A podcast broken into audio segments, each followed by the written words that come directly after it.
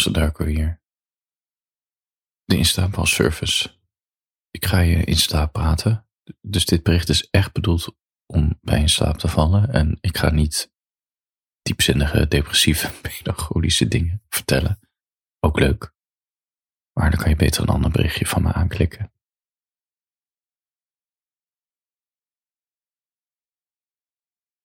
Dus ik hoop dat je al ligt.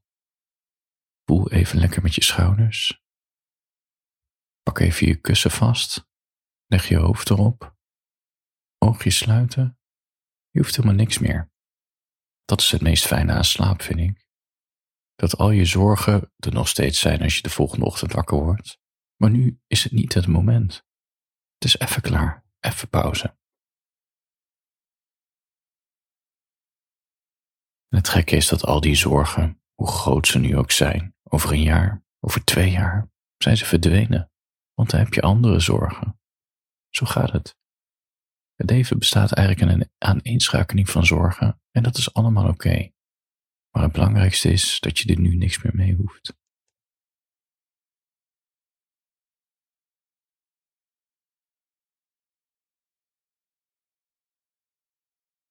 Klein geheimpje. Als ik wakker word, laat me zeggen, het moment dat je echt merkt dat je weer een lijf hebt, dan ga ik met mijn benen bewegen alsof ik aan het zwemmen ben. En voordat ik ga slapen, trek ik zo mijn knieën op, een beetje als een feutusje. Trek ik de dekens het liefst over mijn hoofd heen om een klein kokonnetje te maken. En dan heerlijk. En dan geef ik weer die dekens eraf, anders wordt het iets te benauwd. Maar ik vind het gevoel van geborgenheid in mijn eigen bed. Dat is een gek gevoel, maar nou, het is geen gek gevoel, maar het ziet er alleen wat gekkig uit. Dus doe een beetje als Thompson Darko. Trek die knieën op als een babytje. Trek die dekens helemaal over je hoofd heen. Pak dat kussen van je vast en woel eventjes, even lekker woelen.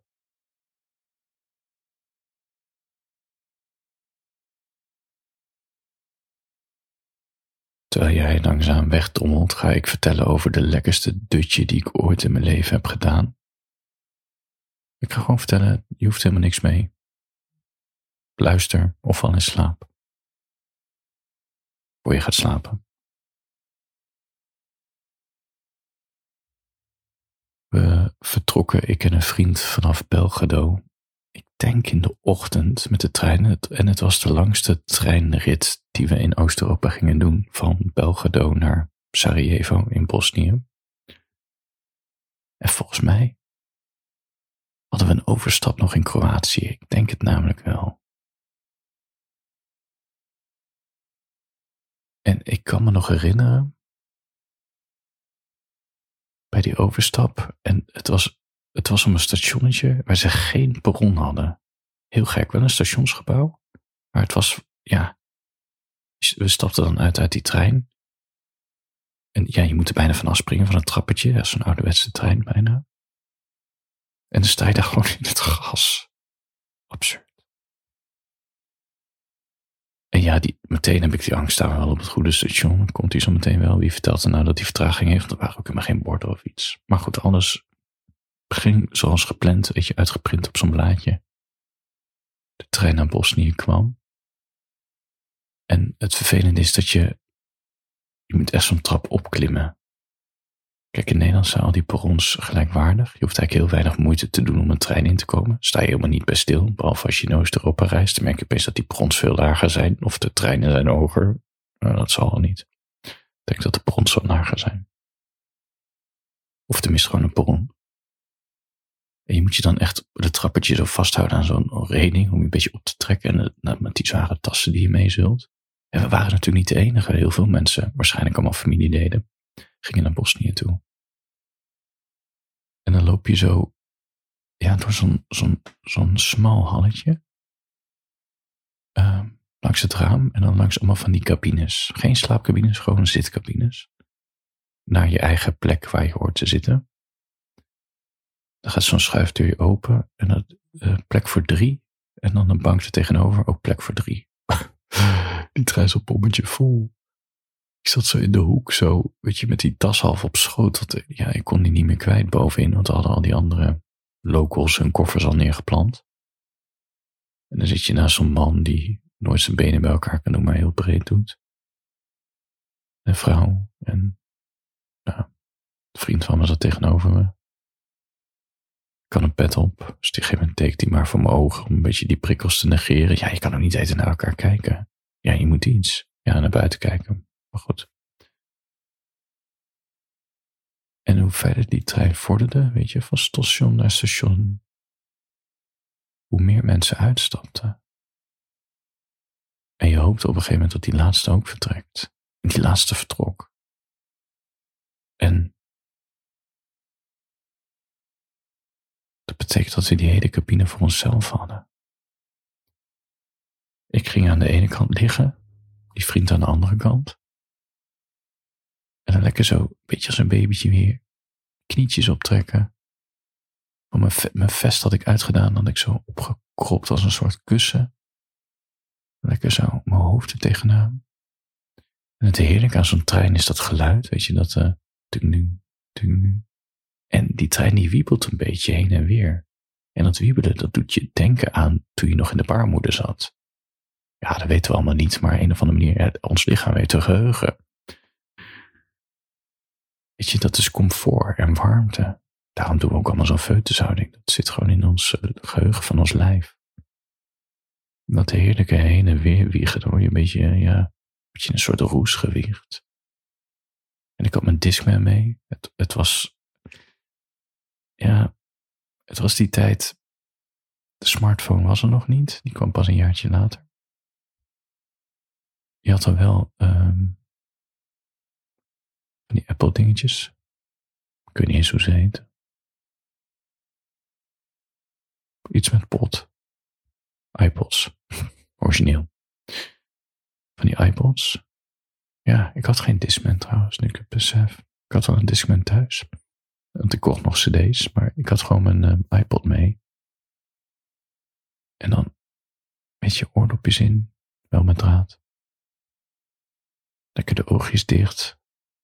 En dan van die heerlijke muziek horen. En terwijl je heen en weer gewiegd wordt. Val je in een soort, ja. Het, je valt niet in een diepe slaap, maar je bewustzijn valt wel even weg. Je zit, je zit in dat schemergebied tussen half wakker, half slapen. En dat is echt. Dit was het lekkerste dutje die ik in mijn leven heb gedaan. Dat heen en weer wiegen, dat geluid van die trein. Je oordop is gewoon goede, rustgevende muziek. Ik kan me niet meer herinneren wat op stond, maar het was vast heel fijn. En af en toe opende ik mijn ogen en dan zag ik die goede vriend van me ook, weet je, in de feutushouding liggen maffen. Dat geeft ook een soort vertederende gevoelens of zo.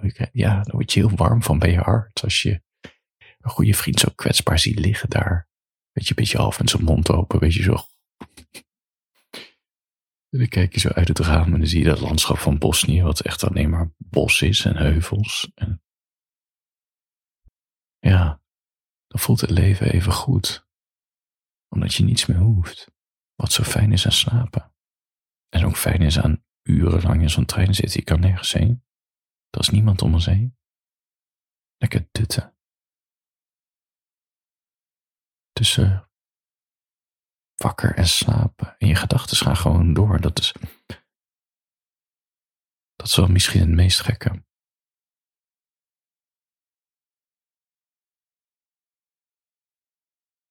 Je komt in een soort, ja, je droomt wel, maar je bent er ook nog niet achter of je dan echt droomt of niet als je niet in een diepe slaap komt. Dus, en je komt dus ook niet in een remslaap terecht. Maar als je wegdut, je, hoofd gaat wel door. Dus er spelen wel een soort van verhalen af. Ik heb wel eens gelezen dat gewoon je gedachten zijn. En uh, de remming gaat een beetje los als je, weg, als je wegdut. Ik heb ook gelezen, en dat is best wel gek, maar dat verbeeldingskracht um, wat wij mensen hebben, maar trouwens ook dieren, want dieren dromen, alle dieren dromen. Als je ogen hebt, dan droom je. Het lijkt op de een of andere manier een soort permanente staat van ons hoofd te zijn, dat hij dus iets met beelden moet doen. Gewoon beelden verwerken, visualiseren. En dat kan niet stoppen als je slaapt. En dat is ook de reden dat je gaat hallucineren. Als je te lang wakker blijft. Dan gaan die remmingen volledig weg. Dat, dat hoofd is gewoon gebouwd op visualisatie. En overdag kan het nog aardig de rem erop gooien. Maar als je een beetje wegdut, gaan die remmingen weg. En dan gaan je gedachten overal heen. En het blijft maar voorstellingen maken. Misschien moet ik dit eens een keertje uitwerken in de tekst. En dan weer in je oor vertellen. Maar ik zat dus in die trein heen en weer zo te dommelen. Muziek in de oren. En dan van die halve dromen die niet echt dromen zijn, maar je bent ook niet helemaal in de realiteit. En het, het besef van tijd valt ook weg. Het is ook een beetje te vergelijken als je in een goede flow zit met schrijven. Of als je de liefde bedrijft met iemand. Of, of een heel goed boek leest. Of of als je heel hard gesport hebt en dan op de bank ligt en dan een serie aanzet en helemaal in die serie of in die film wordt gezogen, dan bestaat tijd niet meer. Je bent in een soort koker. Dat is zo lekker. Ja. Het was echt het beste dutje die ik ooit heb gedaan. Als je vraagt wanneer was ik voor het laatst gelukkig? 2008, Bosnië. Ja. Dat is een grapje. Maar ik voelde me wel intens gelukkig. En dit. Ik moet even oppassen, want ik word niet heel enthousiast. En waarschijnlijk ben je al bijna in dromenland. Dit is de essentie van geluk. De essentie van geluk is dat je er niet naar kan streven als doel. Het is altijd een bijproduct van wat je doet en het komt op onverwachte momenten. Dat, en het is altijd een momentopname. Gelukzalige gevoelens. En ik had het daar in Sarajevo. Sorry, in de trein naar Sarajevo. Die treinrit was sowieso bizar, want niet alle spoorwegovergangen waren uh, beveiligd. Dus of de trein ging heel langzaam rijden. En dan zo'n spoorweggang uh, passeren en dan uh, gas erop. Of, I kid you not, het ging stoppen. Uitstoppen, gingen ze de spoorbomen naar beneden doen, stapten weer in die trein. Overgang passeren, stapten weer uit om die spoorbomen open te doen. Fascinerend. Zo gek dat we het allemaal zo normaal vinden, onze moderne wereld hier in dit land. En je bent duizend kilometer verder en het is allemaal net een stukje primitiever. En het draait gewoon door en het is allemaal oké. Je komt nog steeds van A tot B.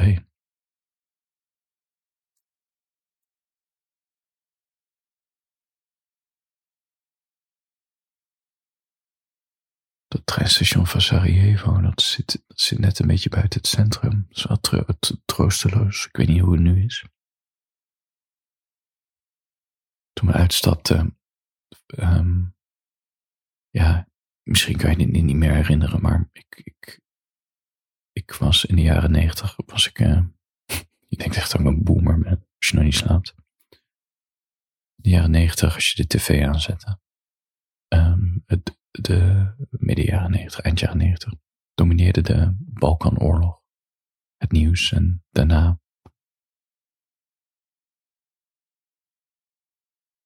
bombardementen op uh, Belgrado toen Servië besloot Kosovo binnen te vallen. En wat ik me nog kan herinneren van die Balkanoorlog was dat je vaak een beeld zag van een hotel in Sarajevo. En dat hotel stond, stond naast het station. Dat is heel gek, een heel hoog gebouw. Er zaten alle journalisten in toen. Er zijn ook wel boeken over geschreven.